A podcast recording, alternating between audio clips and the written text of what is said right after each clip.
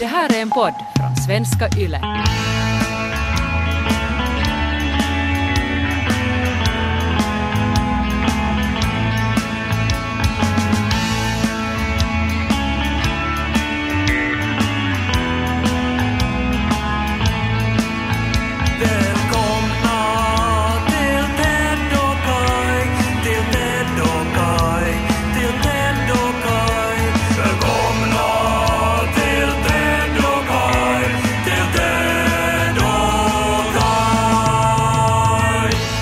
Jag skulle jättegärna vilja inleda dagens avsnitt med en ljudfrågesport. Uh, Okej, till lyssnarna. Ja, till lyssnarna och till dig. Ja, jag, jag, är ju, mom- alltså jag måste ju bara säga att uh, frågesport är ju det bästa och det värsta jag vet. Här kommer ljudet.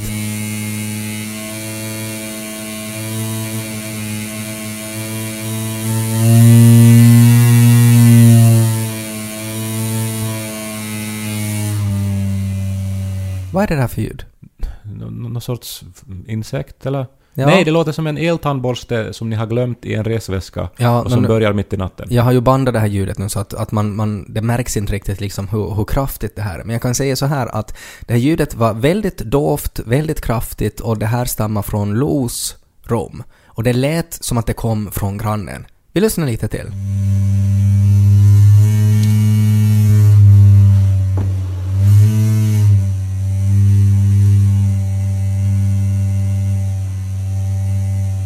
Ja, nå, alltså någon leksak då? Ja, alltså jag, jag trodde ju först att, alltså att det var en, en vuxen leksak. Alltså att det låter ju som, för att, och det var också, det, det var liksom sent på natten så började det här ljudet eh, komma och, och, och, och Lo blev rädd och var sådär, vad är det där för ljud och jag tyckte att det lät som ett typ spöke som masturberar. Men det kan jag ju inte säga åt honom mitt på natten. Eh, och, och så fortsatte det här ljudet. Och, och, och det, det, var liksom bara konstigare och konstigare och det var på så random tidpunkter som det kom. Ja, och just att det stiger och faller i intensitet. Alltså det där är ju kanske det värsta ljudet när man vill sova. Ja, exakt. Och det låter ju som en sorts kompressor. Och jag tänkte, för att vi är på bottenvåningen och de håller på med någonting med, med värmeelementen i vårt hus. Så jag tänkte att är det här någon, har, har de liksom någon form av kompressor igång i källaren eller någonting? Men alltså ni vet vad det är nu då? Eller? Jo, vi vet nu vad det är. Okej. För att när de här gubbarna skulle komma och kolla på värmeelementen följande gång, så då konfronterade jag dem och skrek att what the fuck are you doing? Have you forgotten your sex toys in the elements? Mm, det sa jag på engelska åt dem. Och då sa de att, att, att, att mitä, sa de. Och så sa jag sen på, på finska, äh, frågade jag att, att är det så att de har någon form av kompressor igång eller någonting, för att det har ett väldigt störande ljud. Eh, och så av en händelse så råkade det ljudet komma just då när de var där. Och de blev ju väldigt konfunderade och sa nej, nej alltså inte har de alls några sådana verktyg igång. Och så bad jag dem att komma in i losrummet, men lyssna på det här, vad är det här för ljud? Och så var vi där och höll på och så konstaterade de att det låter som att det kommer från fönstret. Och så insåg jag plötsligt att det är tejp på fönstret och det blåser och det är det som har det här konstiga ljudet.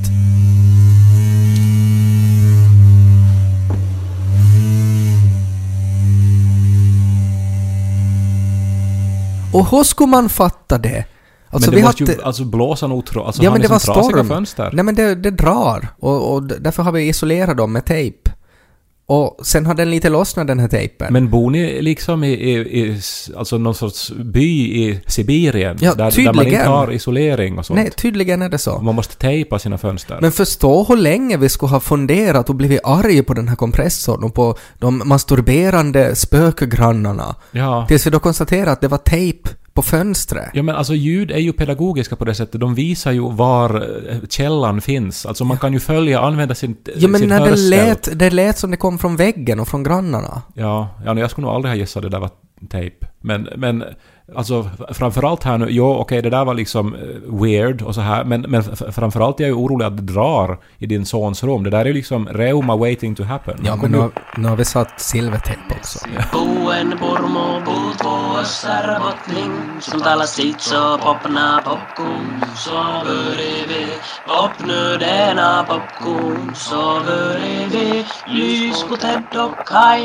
Jag har varit nere på ett så här nytt sätt. Eh, Eller nog har jag upplevt liknande känslor förr, men inte på jättelänge. Eh, Alltså, och jag har också gjort saker som jag aldrig, aldrig hade föreställt mig att jag skulle göra. Saker som har gjort dig att bli nere eller saker som du har gjort för att du har varit nere? Ja, nå, det hör ju ihop. Jag har alltså stått eh, i ett rum fullt med människor och, och skrikit åt en människa framför mig att han är en motherfucker. Tre gånger. Tre olika tillfällen eller sa du samtidigt you motherfucker, you motherfucker, you're a motherfucker? Men det är ju vissa svårt saker... att höra. Alltså, man har ju tittat på mycket film där det här ordet används.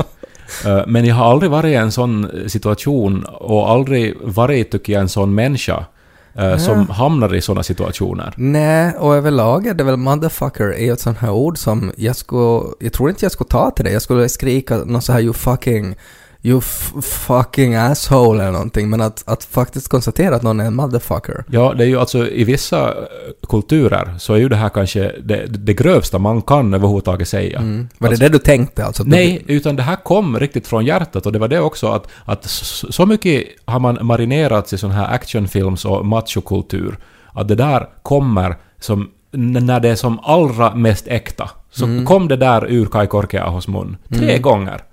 Ja. Mm. Och det här var bland folk? Ja, mycket folk.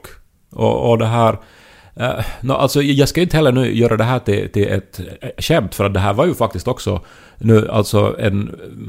no, en- upprörande händelse. Du hade alltså rätt att skrika motherfucker? No, jag, jag, jag tror att instinkten eh, bekräfta det. För alltså, det, som sagt, jag har aldrig använt det där ordet förr. Och, och det att jag nu gjorde det tre gånger så, så visar att, tycker jag, att liksom hela min kropp och min själ ansåg det här vara berättigat. Ja, det är nästan som att när man sätter en förbannelse på någon.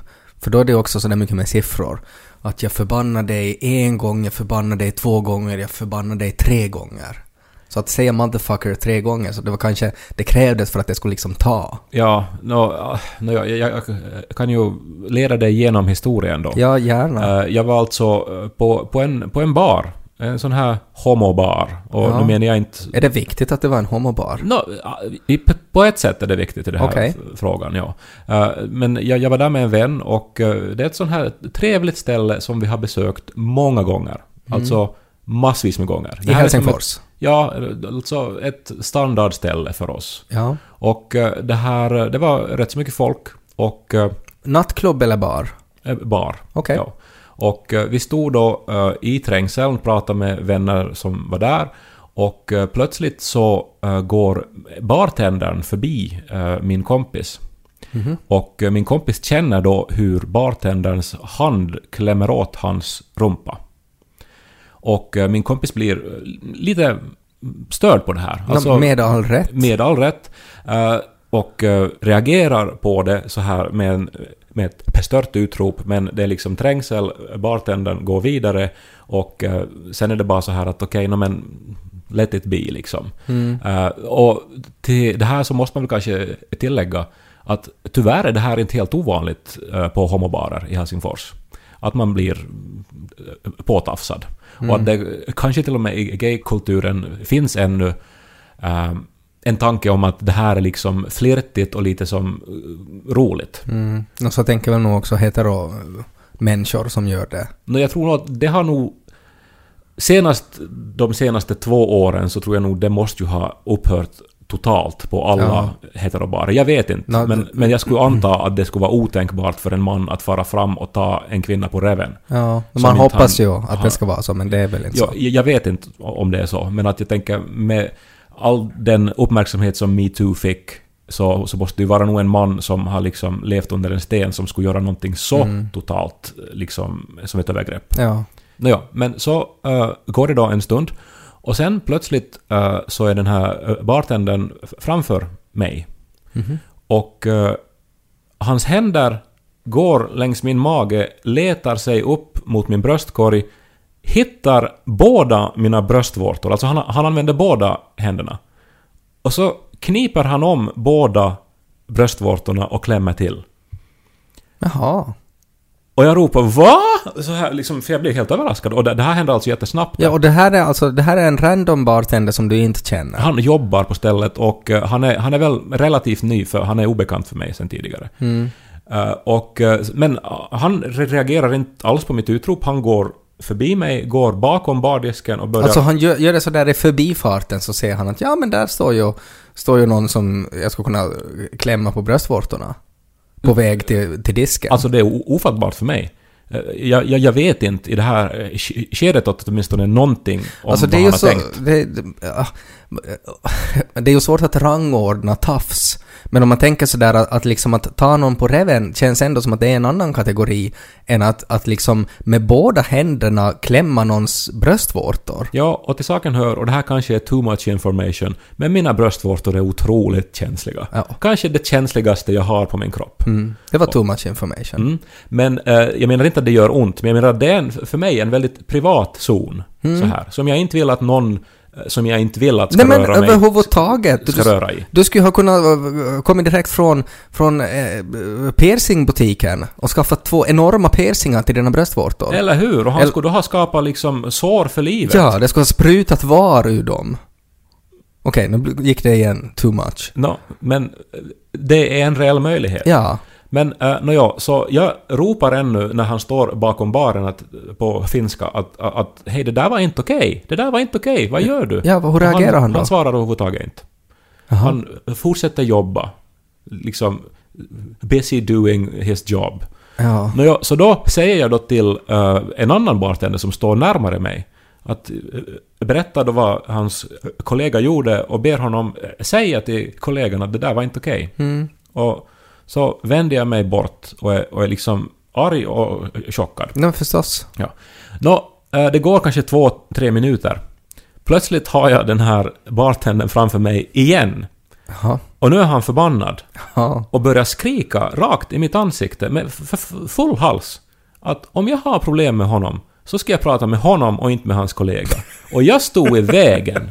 Jag får inte stå i vägen när han ska gå bakom baren. Jaha, så det var därför. Så det var sådär som ett sätt att, att så du ska stiga åt sidan så klämde han på dina tissar. Och så säger min kompis att det finns nog så här många sätt att säga till någon att man ska kliva åt sidan och de är inte att man tar någon på reven eller klämmer någons bröstvårtor. Ja. Och då knuffar han bort min kompis, för det här är då mellan mig och honom.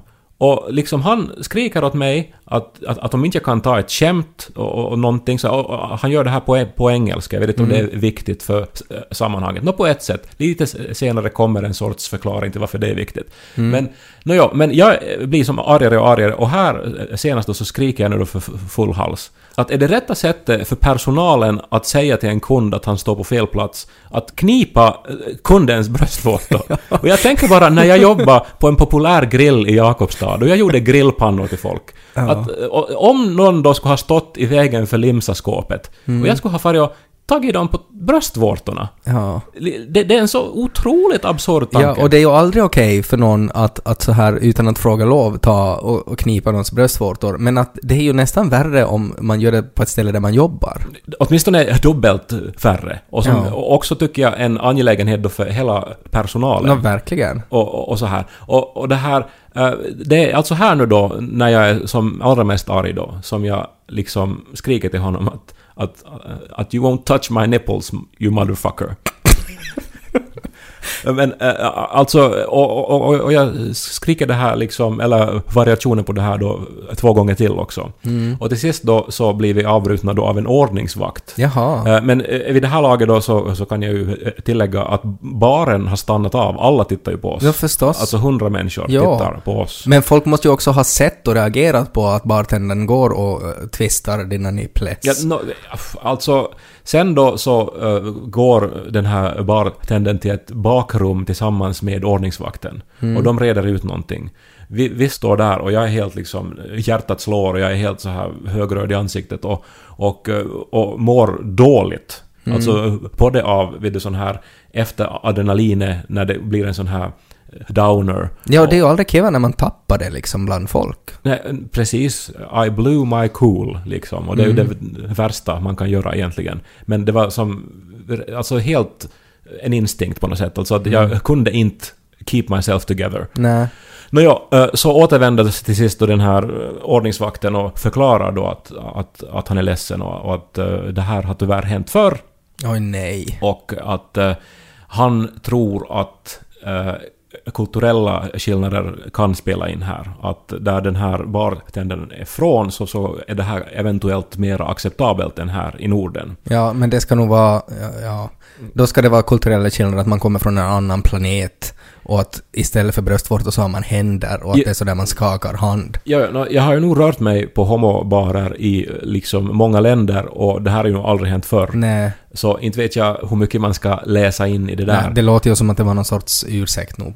Men i alla fall, det här är ju då s- slutet på min kväll. Jag far hem eh, och eh, det här mår sen dåligt i flera dagar. Och fortfarande mår jag lite dåligt. Men det märkligaste är att jag mår inte egentligen dåligt över det som hände, att han gjorde sådär, utan jag mår dåligt för att jag blev så arg. Att jag skäms för att jag skapade den här, den här dåliga stämningen i baren. Och att jag liksom blev så där arg. Och det är ju fel på ett sätt, att det är liksom den känslan som blir kvar. För att det borde ju vara den där ilskan som är kvar, att du utsattes för det. För att din, di- din, din reaktion var ju uttryckligen en reaktion på det som hände. Så det är ju synd att det på något sätt, alltså att du tar på dig liksom en skuld i det också, att oj nej, du skapar dålig filis. Du var ju helt berättigad till det. Ja, alltså, jag har ju analyserat det många gånger och jag har aldrig kommit fram till något annat resultat än att ja, jag hade rätt att bli arg. Men ändå så är det som är kvar är skammen för att jag blev arg. Och då tänker jag att det här har man ju läst. Det här har jag läst många gånger eh, de senaste åren, just efter metoo, alltså i de här vi- vittnesmålen om den här skammen. Och jag har inte förstått den. Och jag förstår inte den nu heller. Men det här är det ju. Mm. Alltså att att jag, jag liksom har ingen orsak att skämmas, men den är där ändå. Mm. Och jag, jag kan inte göra någonting åt den. Och det är den där skammen som stoppar en från att, att göra någonting åt det och som också gör att sådana där personer kan fortsätta göra det. För att de gets away with it.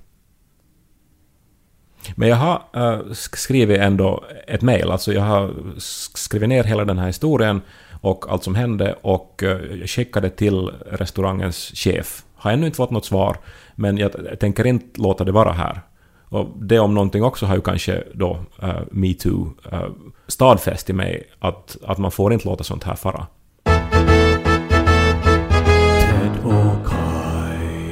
Jag råkar stöta på ett uh, businesskoncept eh, som lite tangerar det här som du har varit med om. Som det kan hända att, att, eh, att du borde fara på, eller så borde vi fara tillsammans på det.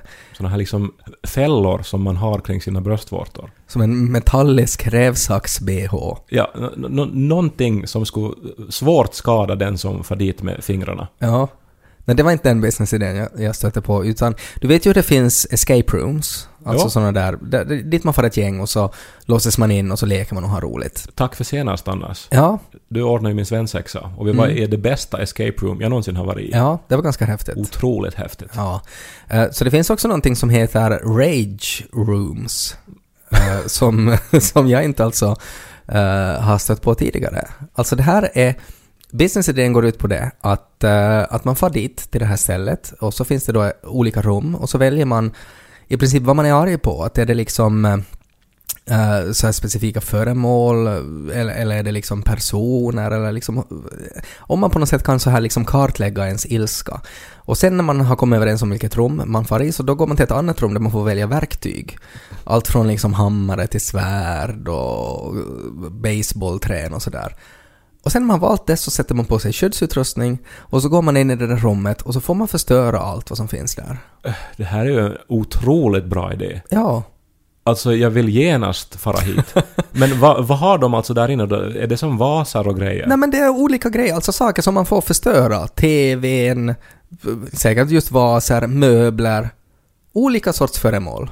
Alltså jag, jag, jag skulle betala mycket för det här. Ja, men det är, ju, det är ju på något sätt alltså ett så här utlov. Och jag, jag har funderat på det här att, att men hur kan, hur, hur, hur kan man ens liksom att hur kan en sån här grej gå runt? Men sen är det ju just att, för att det var min första reaktion när jag läste om det här så var precis som du nu reagerade, att nej men shit alltså hit måste man ju fara.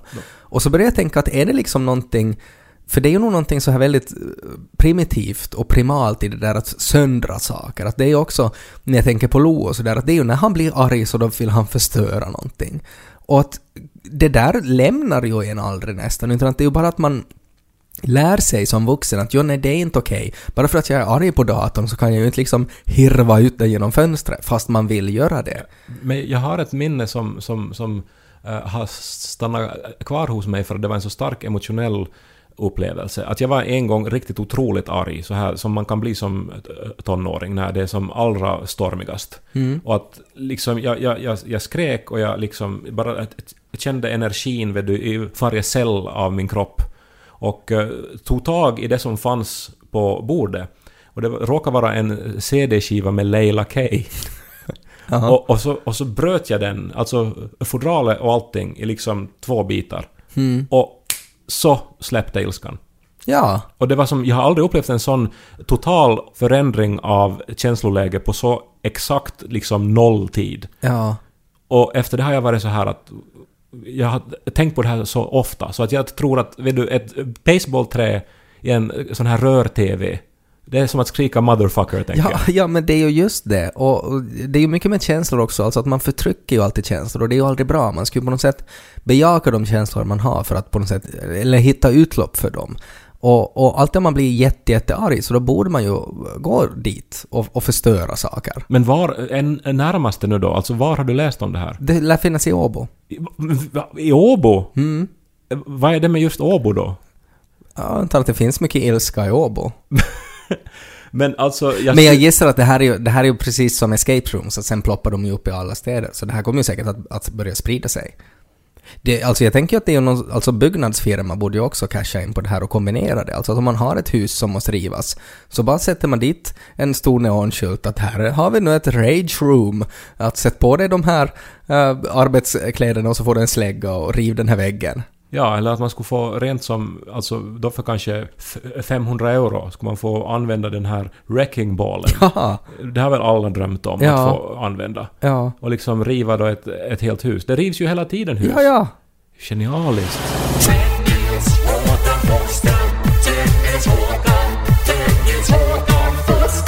Har du hört om det här nya restaurangkonceptet då? Att man, äh, angry eating, att man får slå sönder maten. Ja. Alltså att istället för att äta så ska man slå sönder det. Man får liksom en jättevacker tårta och så får man bara liksom slänga den i facet på den som kommer med den Ja, no, det är lite den reaktionen jag skulle ha nu när vi är inne på ilska. Eh, så jag läste om en riktigt dyr restaurang, eh, det här är då i USA, som eh, har börjat med ett ny, ny, ny, nytt koncept. Att när man beställer mat så kommer kocken till bordet och så ber han en att man ska sätta ut sin hand. Och så sätter man ut sin hand. Och så börjar han göra en portion rakt i handen. Alltså att han kläcker ett ägg i handen och sätter lite kryddor dit och rör om med en liten pinne och sätter han en liten gurkskiva dit och så är han så här voilà, Ja. it is the aperitif. Och så ska man då liksom slicka det ur handen då, som en sorts katt. och det är ju bara...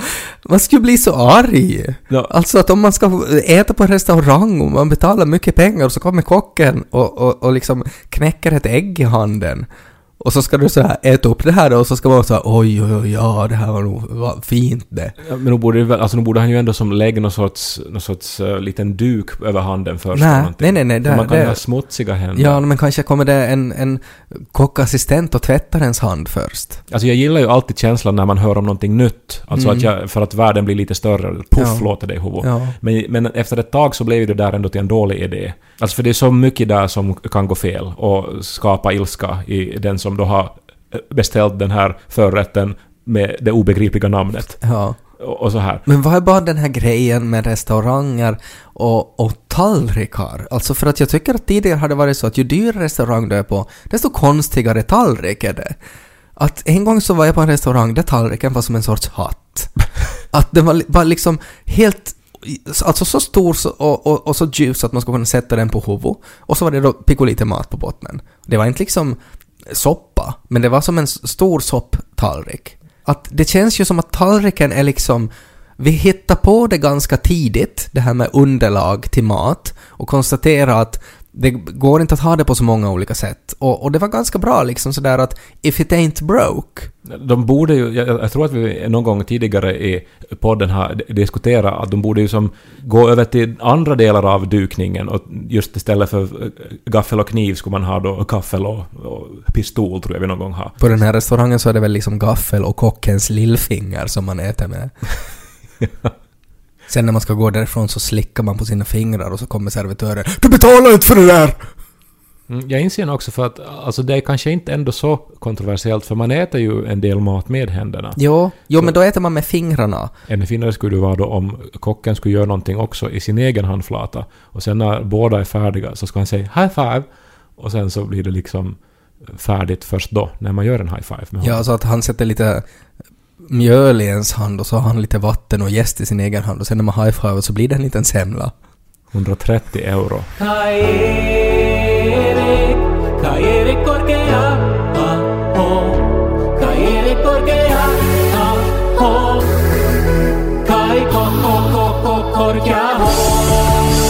Tänk om man skulle vara på den här restaurangen där de serverar mat i händerna och så ska man då gå med maten i händerna och så ska man gå fram till bardisken för att man ska beställa en drink som väl då antagligen ska hällas rakt i munnen. Men istället för att få drinken så råkar man stå i vägen för bartendern och så tar han en på bröstvårtorna och så skriker man 'motherfucker' och så tappar man sin huvud rätt på golvet. Ja. Du försöker knyta ihop den här podden märker jag. Jag försöker. Och sen så får man angripa inredningen i baren med ett baseballträ. Ja. Välkommen till Åbo! Jag hoppas ju att han får sparken. Nej, men alltså jag, jag hoppas ju också, eller ja, det hoppas jag. Inte kan man jobba med kundservice om man gör Nej, sådär. och inte om den här väktaren också har- i princip sa att det har skett tidigare. Då borde han ju redan ha fått sparken. Men jag satt och eh, tänkte också att okej då, han var kanske då från någon annan eh, kultur eller från en annan tid och har liksom växt upp där som där var okej möjligen. Men man har ju ändå ett ansvar att utbilda sig och att på något sätt avläsa eh, förändringar i tiden, speciellt när man jobbar med andra människor. Ja, men samtidigt så handlar det ju ändå om uh, människokroppen. Och det finns ju väl inte så många ställen som det är okej att röra en annan människokropp. Eh, Det där är intressant. Det där eh, tänkte jag också på att vad skulle han ha kunnat göra då? Jag, jag vet ju att alltså räven, bröstvårtorna förstås inte, men att finns det ens någonstans som man alltid är safe? Eh, Alltså axeln då? Men ja, jag ja. tycker det. Alltså om, man, om du rör dig i en folkmassa på en bar eller en nattklubb eller, eller vad som helst och du måste ta dig förbi någon, då är det ofta det är högt ljud så du kan inte börja liksom skrika åt någon att hej flytta på dig, utan att det blir en lätt puff på axeln och om de är fulla så då är det en lite starkare puff, att, att man lite sådär knuffar undan någon. Och då reagerar man ju själv också, att om man får en hand på axeln så drar man ju sig så här instinktivt flyttar man på sig. Att det är ju på något sätt det här, det naturliga. Det är som människans handtag. Ungefär som... För katter är det väl nackskarven då?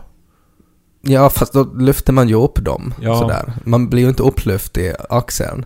Men sådär att, att det är liksom en sån här knapp att när man trycker där så då drar man sig undan. På ett okej sätt. Man drar ju sig också undan om någon trycker en på rumpan förstås. Men är det som det här de menar då, de, de här machomännen som är kritiker av, av liksom den nuvarande samhällsutvecklingen och säger att man får inte göra någonting nu för tiden. Att de kan som visa ett diagram att på 1950-talet så var alla de här delarna av kroppen tillåtna att röra i. Mm, alla zoner. Mm, Och så är det liksom då årtionde för årtionde och så idag då så är det bara axlarna som lyser röda. Ja, en kvar. liten millimeter på axeln. Och så är man sådär att nej, det var nog bättre förr. när jag fick tafsa hur mycket jag ville. Ja, nej men det... Ja. Men jag tycker det var jättebra att du skrev ett brev. Och jag hoppas att det leder någonstans. Och det är ju som man borde göra. Mm. Alltså att, att man ska ju inte uh, gå med på sånt där. Man ska ju inte ta sånt Men där. det här rätta vägen att gå, alltså att man, man be- beter sig civiliserat, så den är inte tillfredsställande. Nej. Det var mycket till, alltså det ändå, det här just ögonblicket när jag skrek 'motherfucker' så var jag ändå fri. Och liksom på något sätt liksom, jag var suverän i min ilska. Ja. Den var vit. Den var så het så den blev vit. Ja, det var rent. Det är ju få situationer där det på något sätt är berättigat till att slå någon i facet. Men att om någon kommer och, och, och klämmer en på bröstvårtorna så alla skulle nog hålla med om att ja, nej, men nog fattar jag varför han blev slagen i facet nu. För bartendern for och tog folk på tissarna. Men hur ska jag få upp filisen nu då? Hur ska jag få bort skammen? Är det rage roomen då? Du borde gå tillbaks till den där baren och göra det till ett rage room. Borde det finnas... Idag ska ju allting vara i telefonen. Skulle det finnas någon app då? Liksom färdigt skrivna mail. Man kan som mailbomba då någon. Ja, det är ju bara att, att signa upp uh, deras e-postadress till en massa mailinglistor. Det är sant. What's your email address you motherfucker? Give it to me now, motherfucker! I'm gonna sign you up for spam!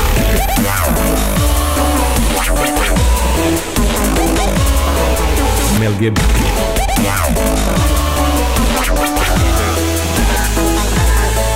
Halshopp.